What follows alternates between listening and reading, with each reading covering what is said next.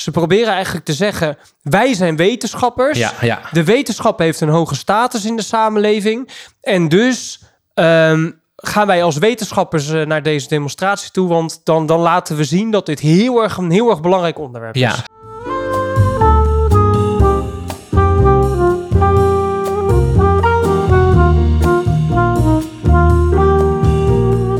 Proost. Op een steeds succesvoller wordende podcast. ja dat klopt, klopt, klopt. Steeds meer luisteraars, steeds meer kijkers ook vooral, steeds meer abonnees. Mocht je het nou leuk vinden, deze podcast, abonneer je en like en deel ook vooral deze aflevering. Ehm, Lars, we gaan het vandaag hebben over een onderwerp waar ik me eigenlijk al een hele tijd aan erger. Dat is de situatie waarbij ehm, een organisatie denkt te kunnen spreken namens alle mensen die onderdeel zijn van die organisatie. Vorige week op, eh, zat ik op LinkedIn en toen kwam eh, op Paarse Vrijdag, dat was afgelopen vrijdag, of vrijdag vorige week. Het is vandaag vrijdag, dus vorige week. Een eh, bericht, een post van Universiteit Leiden langs. Paarse kleding en een wapperende Pride-vlag bij alle universiteitsgebouwen. Ook dit jaar doet de Universiteit Leiden mee aan Paarse Vrijdag. Op Paarse Vrijdag betuigen scholieren en studenten hun steun aan de LHBTIAQ plus min, of een plus gemeenschap. Er is nu ook een A bijgekomen, dat is aseksueel.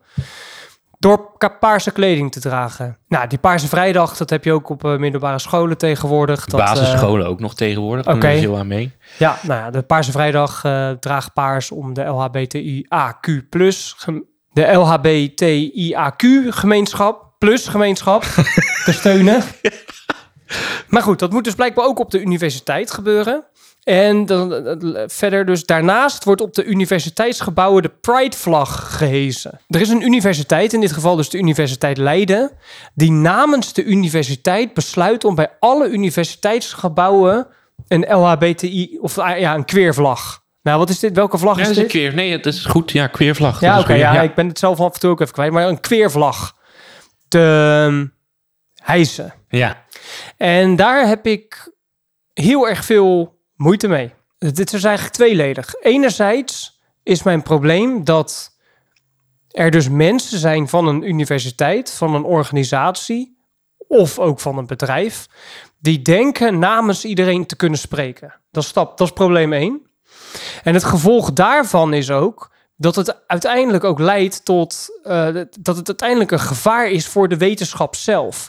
Zo- Zodra besturen van universiteiten zich op politieke vraagstukken denken te kunnen uitspreken namens de hele gemeenschap. Ja, omdat met die, met die eh, queer eh, vlag er ook duidelijke kant in, wat je net ook al zei, duidelijk kant wordt gekozen in elke discussie binnen en over die, die queer community. Juist. Waardoor het bijna lijkt dat als je een andere mening hebt, op welke manier dan ook over de queer eh, community of eh, de discussies die daarbij horen, eh, dat je blijkbaar niet thuis hoort Ja. daar op de universiteit. Ja. Ook niks over mag zeggen, niet, Ja, niet, precies. geen discussie Precies. of onderzoek naar mag doen. Zoals die Laurens Buis op de UvA. Ja, maar hier, precies. Hier heb je dus een, hier hou je een heel goed voorbeeld aan. Dat is precies mijn punt ook. Stel je voor, er is een wetenschapper op de Universiteit Die onderzoek doet naar, de, naar diversiteit of inclusie. En eh daar eigenlijk achter komt door bepaald onderzoek dat inclusie en diversiteit eigenlijk helemaal niet zo gewenst is op bepaalde gebieden. Dat is eigenlijk al niet meer mogelijk, omdat de universiteit waar je voor werkt, hè, de universiteit, wat gaan we straks ook aanhalen in dit artikel, eh, een universiteit die gebaseerd, die, die wetenschap hoort te bedrijven, en wetenschap is georganiseerd scepticisme. De universiteit heeft al een keuze gemaakt. Die heeft al gezegd, dit is gewenst, dit is goed. En binnen dat kader moet een wetenschap dan onderzoek, een wetenschapper dan onderzoek gaan doen. Dat is natuurlijk absurd. En, en eh, buiten die, eh, die intellectuele en academische integriteit die in gevaar komt met dit soort acties. Als je als universiteit zo prat gaat op het hijsen van een vlag en een duidelijke stellingname met betrekking tot de discussie over Ja. eh, de queer community en, eh, en, de, en, en, en queer vraagstukken, dan is het überhaupt niet gewenst voor een universiteit als er onderzoek wordt, eh, als er sceptisch onderzoek wordt gedaan, of in ieder geval open onderzoek wordt gedaan, naar het onderwerp zelf. Met onwelgevallige resultaten Ja. bijvoorbeeld. Precies, Omdat je ja. ook gezichtsverlies rijdt. Omdat er Ja. vragen opkomen. Hè, maar jullie zijn toch bij voorbaat eh, zonder mitsen en maren voor de queer community. Ja. Eh, dus je komt ook in een soort sociaal-culturele druk eh, te zitten. Ja, nou, en dat, is, dat, is precies, dat is precies mijn probleem. Nu hebben we het dan over een, eh over een queervlag. Maar dat kan natuurlijk ook gaan over vraagstukken over klimaat. Of, of bijvoorbeeld ehm, eh, politieke uitkomsten van, van, van verkiezingen bijvoorbeeld. Jij had net een voorbeeld in het voorgesprek voor deze podcast... haalde je aan over een rector op een ja, middelbare ja. school. Ja, er zijn, eh, er zijn meerdere scholen, eh, rectoren van scholen die eh, een brief hebben gestuurd naar de ouders van de kinderen die op hun school zitten. Naar aanleiding van de verkiezingsuitslag en de winst natuurlijk van eh, de, de PVV. Eh, met als reden om aan te geven dat de school altijd ervoor zal zorgen dat er plek is voor welke minderheid dan ook. Dus het verhaal van inclusie, et cetera, et cetera. Ehm, net, net ook een ander artikel over ambtenaren in natuurlijk Amsterdam. Eh, ambtenaren in Amsterdam die gingen demonstreren eh, naar aanleiding van de verkiezingsuitslag en Ja. de winst van de PVV, om aan te geven dat zij zullen strijden voor de grondwet en geen beleid zullen uitvoeren eh, als dat ongrondwettelijk is.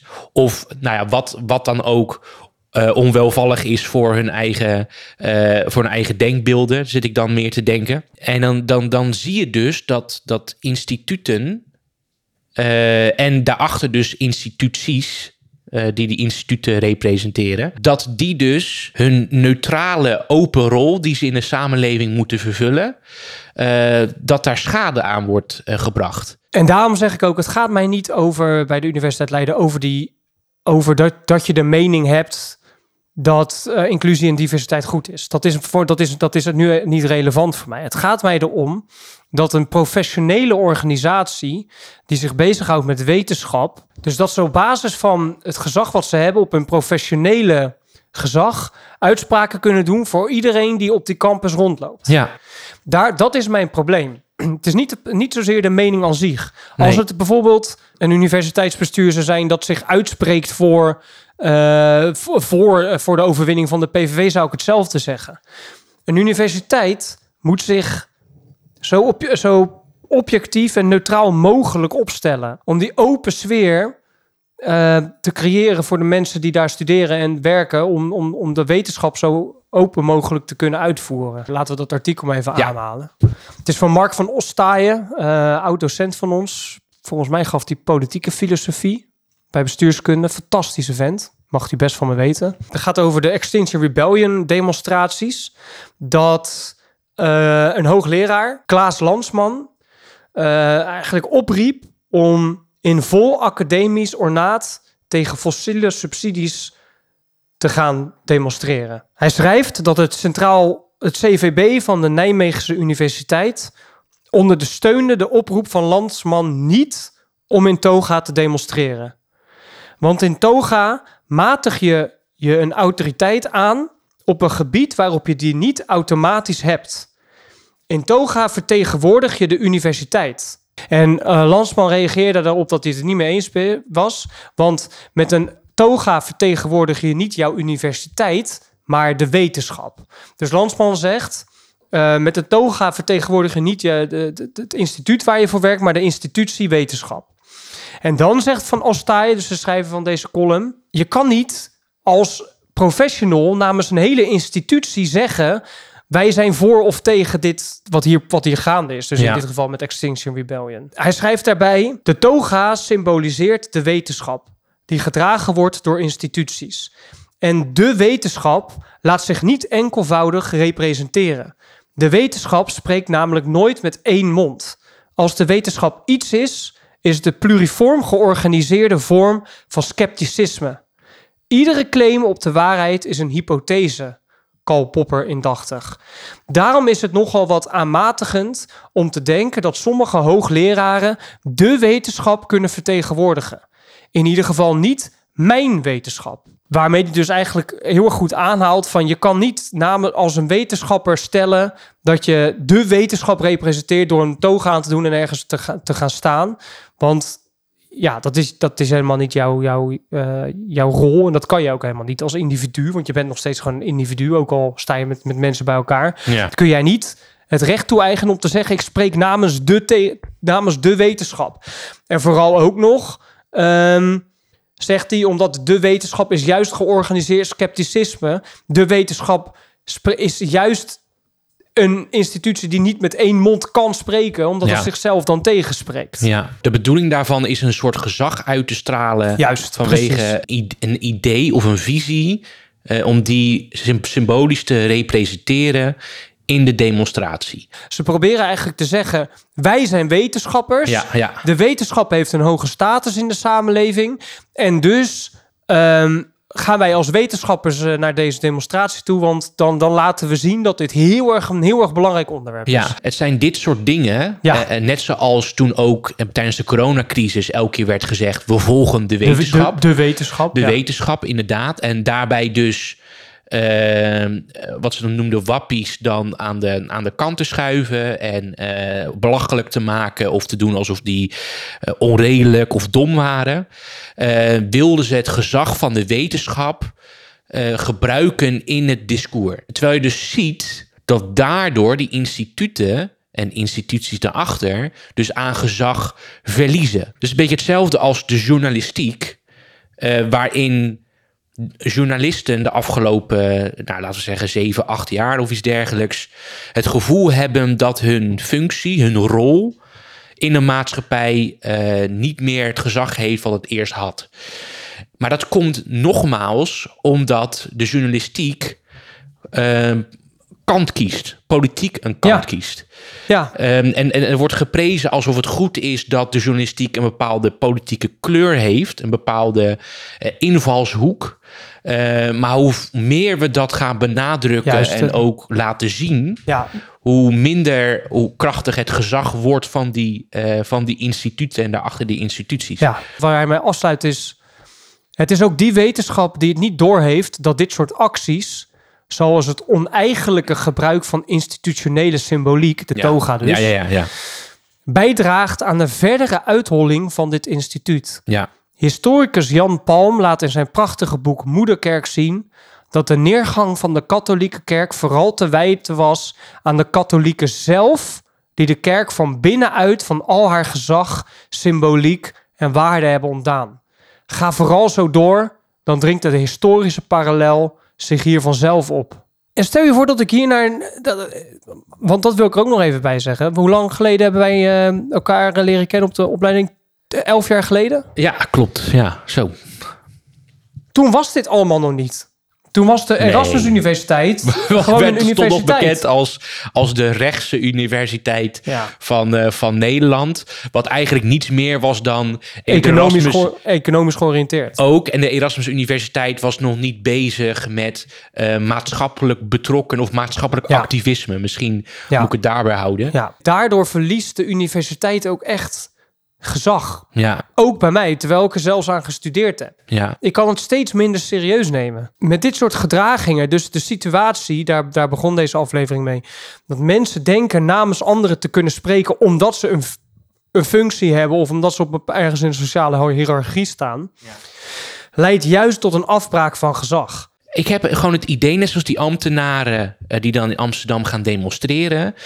Al die mensen die werken in hele belangrijke instituten van onze maatschappij en van ons land, denken dat zij moeten demonstreren omdat zij een groep mensen representeren. Dat Ja. is al fout 1 natuurlijk. Ja. Maar ze missen dus volledig het punt dat ze dat bijvoorbeeld de ambtenarij, het ambtenarenapparaat, maar ook de, eh, de, de, de universiteiten, dat gelinkt is aan de wetenschap en het, onderwijs in de vorm van die basisscholen die dan die brieven sturen naar, eh, naar die ouders, dat zij ook een idee representeren. Wat geen, wat, wat, wat, wat geen stelling kan nemen. Ook niet een stelling moeten nemen. Ja, ja dus, dus zoals Mark van Ostraaien Ja. zegt, georganiseerd scepticisme.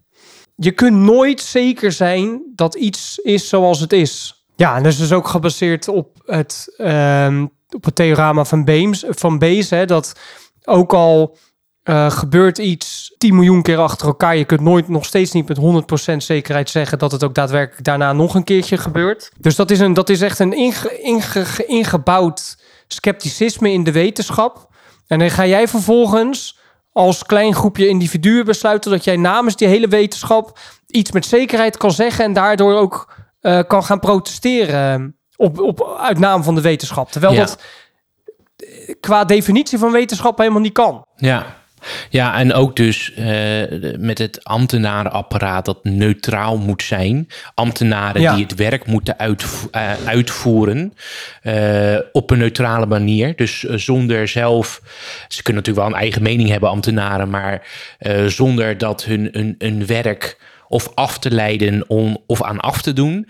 Uh, Max Weber, uh, die een hele duidelijke visie had voor het ambtenarenapparaat, dat het een neutrale uitvoerder moet zijn van het beleid. Ja, echt een, echt een apparaat wat je kan inzetten. Ja, ja. en dat doen die ambtenaren dus niet. En, die, en waar mijn irritatie vandaan komt, is dat zij het doen als mens hun, uh, de, uh, de, de rol die zij vervullen binnen de maatschappij misbruiken om hun eigen visie als Juist, mens als te bekrachtigen. Ja. Terwijl het zo fragiel is wat zij moeten representeren. Wat zo, dat, dat ze zo um, voorzichtig moeten omgaan met hun keuzes. En, en dat, dat geldt links, linksom en rechtsom natuurlijk. Dus in meerdere lagen is het gewoon ja, hartstikke irritant om, om, om dat te zien. De, er valt echt nog wel een wereld te winnen, denk ik, voor die instituties en instituten die tegenwoordig zo,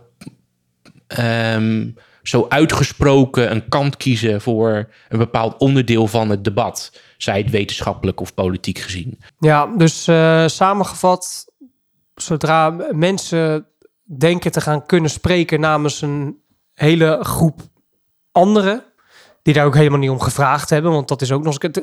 Ik vind het, nog, ik vind het in zekere zin nog anders als een politicus dat, dat claimt. Want een politicus, daar wordt op gestemd. Ja, ja.